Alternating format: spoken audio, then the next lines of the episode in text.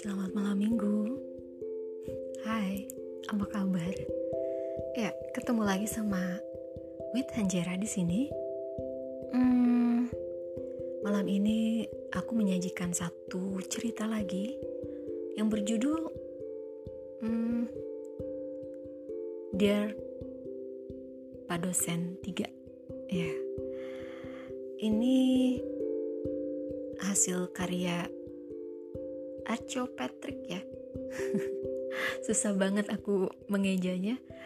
Yang pes yang pasti uh, ceritanya bagus. Uh, terus religius. Terus diksinya oke. Okay. tapi mungkin kalau misalnya aku bacain maaf maaf ya mbak editor Ya, hmm, cerita ini tentang uh, kayaknya ada step-stepnya gitu ya. Ada Dear Pak Dosen satu, duanya terus ada tiganya. Jadi kayak sequel sih. Tapi aku sengaja uh, bacain yang tiganya dulu karena lagi greget-gregetnya. Uh, lagi seneng-senengnya aku bacain. Jadi aku bantu deh ya. Oke. okay kayaknya langsung Dear Dosen 3 Chapter 9 Jahra dan Revan berniat mempertemukan Bia, Ezar, dan Hilya untuk menjelaskan duduk perkaranya. Mereka bahkan memberitahu keributan yang terjadi pada Alea dan Saka. Mengingat kedua keluarga pernah membuat kesepakatan akan perjodohan antara Hilya dan Ezar. Jika kedua insan itu saling tertarik, mereka merasa perlu membicarakan hal ini. Dia bersedia untuk pulang sementara waktu demi meluruskan kesalahpahaman yang terjadi antara dirinya dan kakaknya. Namun, ia menolak untuk tinggal seterusnya di rumah. Sikap keras kepala Bia ini merenggangkan hubungannya dengan Zahra wanita paruh baya itu enggan berbincang dengan Bia. Ia merasa sang putri bungsu telah jauh berubah dan selalu menentangnya. Atmosfer terasa berbeda.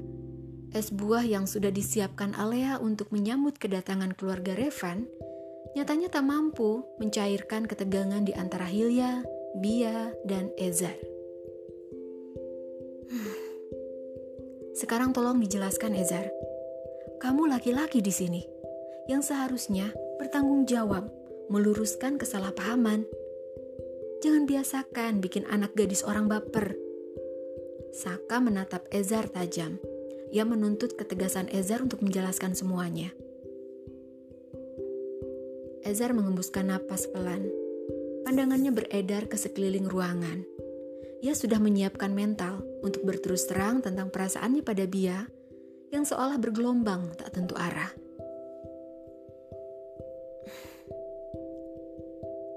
Ini semua memang salah saya. Bukan dia yang mendekati Azar, tapi Azar yang mendekatinya. Tentang kejadian kemarin, itu karena karena Ezar greget sama Bia semua yang ada di ruangan tersentak mendengar penuturan Ezar. Termasuk Bia, yang akhirnya mengangkat wajahnya dan menatap Ezar dengan pandangan bertanya. Bia selalu menghindar. Tiap kali ketemu dia selalu putar arah. Atau yang menghindar, gak berani natap saya. Seolah saya monster yang menakutkan. Saya cuma ingin memperbaiki hubungan dengan Bia. Ezar menoleh ke arah Bia dan meliriknya sepintas. Dia tak bersuara. Pernyataan Ezar telah memancing tanda tanya bagi semua orang yang mendengarnya. Tak terkecuali Hilya. Ia menduga jika Ezar jatuh cinta pada Bia. Mencoba memperbaiki. Kalian hampir berciuman kemarin. Kalau saya tidak datang, mungkin kalian sudah berciuman. Hilya masih kecewa dengan apa yang dilakukan Bia dan Ezar. Ia patah hati mengetahui Ezar lebih tertarik dengan sang adik. Sejenak ia berpikir, apa yang kurang darinya? Itu tidak seperti yang kamu lihat, Hilya. Kami tidak sedang mau berciuman. Jadi, saya sedang meminta penjelasan Bia. Karena saking gregetnya, saya memang saya memang gak sadar sudah terlalu dekat jaraknya antara kami. Saya gak ada maksud untuk melecehkan Bia. Ezar berusaha menjelaskan. Ia juga tak ingin mempersulit posisi Bia. Mungkin singkatnya, ya, saya akui ada ketertarikan pada Bia. Cuma, Bia yang gak mau saya dekati. Ya, mungkin Bia masih sakit hati dengan perlakuan saya waktu masih jadi dosen pembimbingnya. Saya sadar, kata-kata saya kadang pedas. Di kesempatan baik ini, saya ingin minta maaf sama Bia. Ezar menatap Bia tajam dengan sorot yang tak lagi angkuh. Tak ada lagi kesan meremehkan. Tatapan elang ini terus menyasar pada Bia, hingga membuat gadis itu salah tingkah dan segera menundukkan wajahnya. Bia, yang sudah berlalu biarlah berlalu. Toh kamu sekarang sudah ganti dosen pembimbing? Sebaiknya kamu memaafkan Ezar dan jangan lagi bersikap angkuh padanya. Zahra melirik Bia. Dia tak enak hati dengan Alea dan Saka. Hmm. Jadi intinya, memang tidak ada sesuatu yang negatif yang terjadi antara Bia dan Ezar. Yang saya lihat sepertinya Ezar suka sama Bia. Iya kan? Tapi perasaan itu gak bisa dipaksakan. Papa sama mama juga gak akan main jodohin kamu sama Hilya, semisal kamu cuma menganggap Hilya sebagai teman. Saka menghela nafas.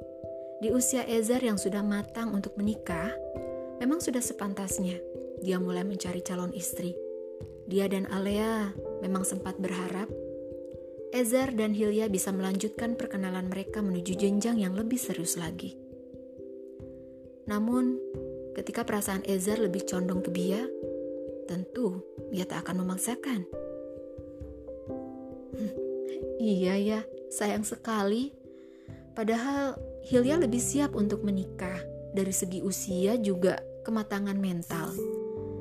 Sedangkan Bia ini kami berharap dia fokus dulu di pendidikan. Paling enggak sampai dia lulus, bekerja dulu kalau bisa, baru menikah. Dia juga sepertinya belum ada rasa sama Ezar.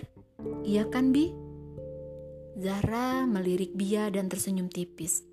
Ia yakin Bia pun belum ingin menikah.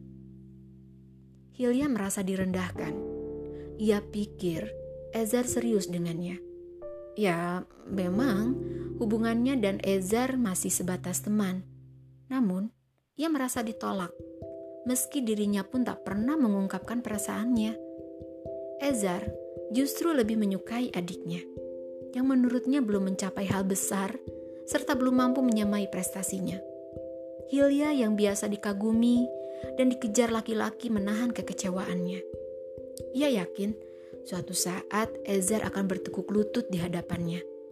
Hanya saja, Hilya terlanjur sakit hati Ezar seolah menjadi sebuah obsesi yang harus merasakan pula. Bagaimana sakitnya patah hati, seperti yang ia rasakan kini.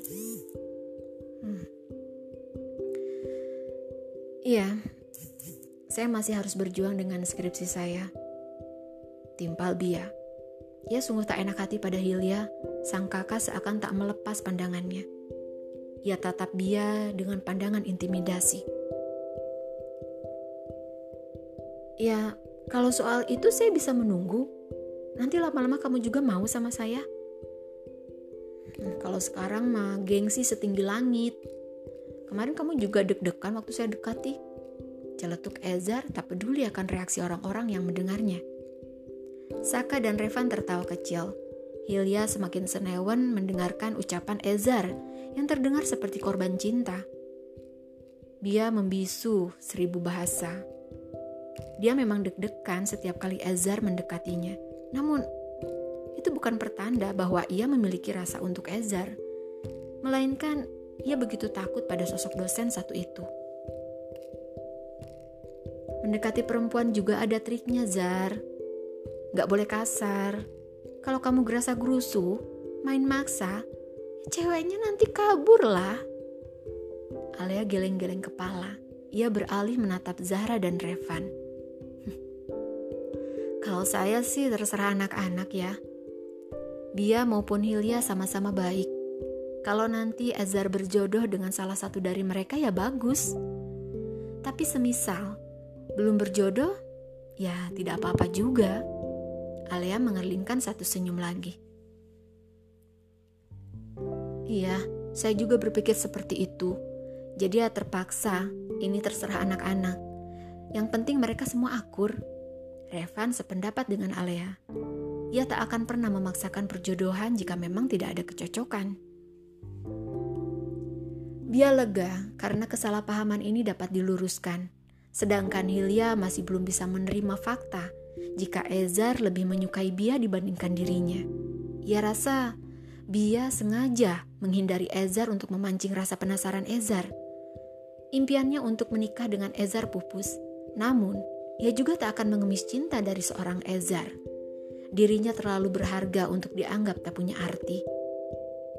Bia merasakan tatapan Ezar seakan menghunus hingga ujung hatinya yang terdalam. Bia mencoba mengalihkan tatapan ke arah lain. Namun, ketika ia berpaling untuk menoleh kembali ke arah Ezar, pria itu masih menatapnya lekat. Lagi-lagi, Bia salah tingkah. Kembali dari rumah Ezar, Bia menginap semalam di rumah orang tuanya.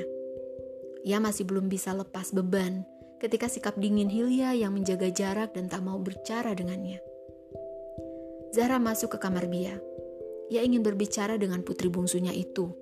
Rasanya sudah lama Bia tak lagi bercerita tentang hari-hari yang ia jalani. Ia masih keberatan. Bia tinggal di Batu Raden. Kata-kata lain, kata-kata orang lain yang menghakiminya tega karena membiarkan anaknya berjualan kerupuk begitu mengganggunya. Bia, Bia yang tengah berbaring langsung bangun dari posisinya. Eh, iya bun. Pertama, Bunda mau ngomong soal Ezar. Dia memang punya rasa sama Bia. Tapi kamu harus menjaga perasaan kakakmu. Kakakmu kan suka sama Ezar. Dan sebenarnya Bunda berharap mereka berjodoh. Kamu harus bantu ya, biar kakakmu bisa jadi sama Ezar. Hilya itu sebenarnya calon istri yang sudah sangat baik.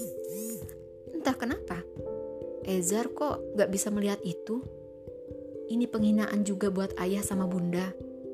Banyak yang berharap menikah sama Hilya, tapi kakakmu ini selalu menolak. Sekarang ada sosok yang memenuhi kriterianya, tapi dia malah nggak mau. Dia nggak mau. Atau memang dia ada rasa sama Ezar? Nah, kamu bisa bantu menyatukan Ejar sama kakakmu. Dia diam. Ia bingung untuk menjawab, karena ia juga tak tahu apa yang harus ia lakukan untuk menyatukan Ezar sama kakaknya. Baginya, perasaan tak bisa dipaksakan. Ia pun bingung mendeskripsikan perasaannya pada Ezar. Ia tak mencintai Ezar, tapi dekat dengannya menghadirkan sensasi yang ia tak mengerti. Di satu sisi ia takut, di sisi lain ada sesuatu yang membuatnya berdebar. Nah, kedua, Bunda sebenarnya gak setuju kamu tinggal di Batu Raden. Mandiri memang bagus, tapi apa? Apa pun yang kamu lakukan, mengundang komentar negatif orang tentang Bunda dan Ayah. Mereka pikir Bunda dan Ayah sengaja membiarkan kamu kerja antar kerupuk dari warung ke warung lainnya. Dikiranya kami nggak punya apa ya empati untuk membantu biaya kamu sekolah biaya kamu kuliah padahal kamu yang menolak uang dari kami. Jelas ini menyinggung perasaan Bunda. Apa kamu gak bisa ya menghargai perasaan Bunda? Dia ingin membalas, tapi ia takut memancing keributan. Namun ia juga ingin menyuarakan suara hatinya. Akhirnya, Bun, bukankah Kahilya juga mandiri? Dia punya penghasilan sendiri. Hah? Bunda nggak protes atas apa yang dia lakukan? Kenapa sekarang dia diprotes? Apa karena dia cuma pedagang kerupuk? Gak seperti Kahilya ya, yang punya toko. Bunda malu punya anak yang jualan kerupuk. Ini kan pekerjaan halal. Alhamdulillah Bia juga bisa nabung dari hasil jualan itu. Bia yang biasanya diam kali ini berani untuk bersuara. Jara terkejut mendengar bantahan dari Bia. Kamu sama sekali nggak ngerti ya yang bunda maksud. Silahkan kalau kamu mau jualan, tapi nanti setelah skripsimu selesai, ayah mungkin bisa bikinin kamu toko cemilan atau kerupuk apalah kalau kamu memang ingin menerjuni usaha ini. Tapi skripsimu Gak kelar-kelar karena kamu gak fokus Bia. Kalau Bia gak sambil kerja, bunda sama ayah yang repot mesti biayain kuliah Bia. Bia masih ingat, bunda pernah bilang begini, kalau bunda udah ngeluarin biaya banyak buat kuliah Bia yang gak kelar-kelar. Karena itu, Bia ingin usaha sendiri. Kenapa sih bunda gak bisa menghargai usaha Bia? apa yang dia lakuin selalu aja salah. Sebening bulir bening itu menetes. Sudah lama dia merasakan perlakuan berbeda dari orang tuanya. Sekarang ia berani mengeluarkan sebagian isi hatinya. Bunda cuma ingin kamu fokus sama skripsi kamu tanpa harus kerja ini itu loh, Bi. Apa itu susah? Dari dulu kamu tuh begitu Beda sama kakak kamu yang selalu nurut sama orang tua. Kamu lebih suka membangkang dan menentang bunda. Kamu pikir restu dari seorang ibu itu nggak penting? Introspeksi diri lah, Bi. Kenapa kamu dipersulit? Kenapa skripsimu nggak kelar-kelar? Itu karena kamu suka ngebantah orang tua. Itu karena iman kamu kurang. Kata-kata Zahra begitu menyakitkan dan menusuk perasaan Bia. Hatinya mungkin sudah meradang bahkan juga tercabik. Ia terisak dan tertahan lagi. Hanya untuk berdiam diri, ia ambil tasnya dan jaketnya untuk bersiap kembali ke Batu Raden. Penghakiman yang diselancarkan oleh orang tuanya, terutama sang ibu telah terakumulasi menjadi luka yang begitu dalam dan sudah mengering. Dia mau langsung ke Batu Raden, mau revisi proposal. Zara mengikuti langkah Bia dengan deru emosi yang tak terbendung. Bia, tetap tinggal di rumah. Dengarkan kata bunda. Zahra mengeraskan suaranya. Hilya dan Revan yang sedang duduk di ruang tengah menatap langkah cepat Bia yang menuruni tangga. Oke, silakan kalau kamu mau pergi. Jangan pernah meminta bantuan ayah bunda lagi. Silahkan, atasi semua sendiri karena kamu sudah gak butuh ayah dan bunda lagi kan? Jara setengah berteriak, tak mampu meredam emosinya. Ayah, dia berangkat dulu. Gadis itu langsung berpamitan dan keluar rumah dan berjalan menuju garasi. Ia menstarter motornya dan mengemudi dengan tangis yang masih sesegukan. Jara menangis. Anak yang dibesarkan dengan kasih sayang dan harapan yang indah akan masa depannya nyatanya tumbuh di luar harapan. Dan Hilya mencoba menghibur, mengusap punggung ibunya, dan memeluknya untuk menenangkan.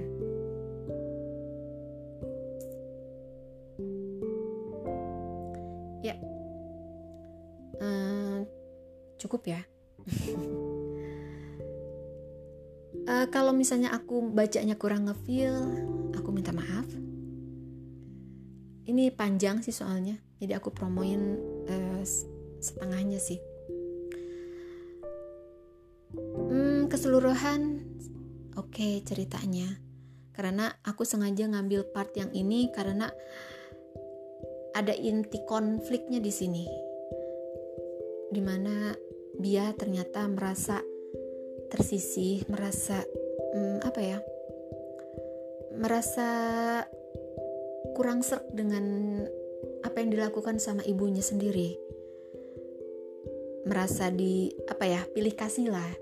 Nah, di mungkin kalau untuk kalian-kalian yang pernah berada di posisi seperti ini punya adik punya kakak nah pasti pernah merasakan seolah-olah orang tua kita membedakan atau pilih kasih ya tapi aku di sini bukan untuk membahas pilih kasihnya tapi membahas ceritanya. Cerita dari uh, karya Archo Patrick ini alias uh, eh, GG Rahahesti itu um, banyak sekali yang karya-karyanya yang betul-betul apa ya menjadi bahan renungan menjadi tolak ukur pembelajaran banyak ide-ide yang muncul di sana. Nanti next ke depan aku nanti bacain uh, di mana ide cemerlangnya seorang Archie Patrick ini tergagas sempurna. Ya, nanti aku kupas, nggak kupas-kupas banget sih. Bacain terus kupas gitu kan. Di mana dia tuh di karya tersebut dia memberikan kayak stimulasi ya, menstimulan pembacanya, memberikan pengetahuan juga, pembelajaran juga. Karena memang uh, Archie Patrick ini salah satu penulis yang betul-betul apa ya, menguasai apa yang dia tulis di situ. Jadi kita-kita nih sebagai penulis biasanya suka ada riset dulu, nggak langsung ujuk-ujuk kita nulis satu cerita satu konflik. Terus kita juga sok-sok tahu uh, asal aja memberikan solusi dan sebagainya. Nggak seperti itu. Penulis itu memang harus um, apa namanya melakukan riset. Jadi jangan sampai si pembaca lebih tahu ataupun misalnya minimalnya uh, penulis dan pembaca ada sinkronisasinya ya nyambung gitu kan. Jadi enak kalau misalnya ngobrolnya jadi TikTok kan ya. Nah seperti itulah. Jadi karya Archie Patrick ini atau GG Rahahesti ini aku recommended banget. Bisa kalian lihat di uh, Wattpad juga Dream karya-karyanya udah banyak. Terus nanti juga aku sediain linknya di sini ya. Nanti kalian bisa uh, apa namanya klik linknya. Uh, ini cerita kebetulan dear Pak dosen 3 ini adanya di Wattpad. Nanti mungkin next ke depan aku bacain cerita beliau yang dari Dream. Jadi ya kita apa namanya hmm, saling silang ya. Oke. okay. Kalau misalnya ada pertanyaan ataupun misalnya ada masukan boleh melayangkan WA-nya pertanyaannya ke 0821 16543 190. Oke? Sekali lagi. 0821 16543 190. Aku tunggu pertanyaannya ataupun ide ataupun apa karena memang kalau melalui message di anchor itu susah ya takutnya nggak nyampe jadi bisa lewat uh, apa namanya bisa lewat ke WA aja. Sip. Oke malam minggu kalian aku temani dengan satu cerita tadi. Dear Padosen 3 karya Archie Patrick yang bisa kalian temui di Wattpad dan seperti biasa, senang sekali bertemu dengan kalian dan akhirnya kita harus berpisah. Selamat malam, selamat bermalam minggu with Hanjera.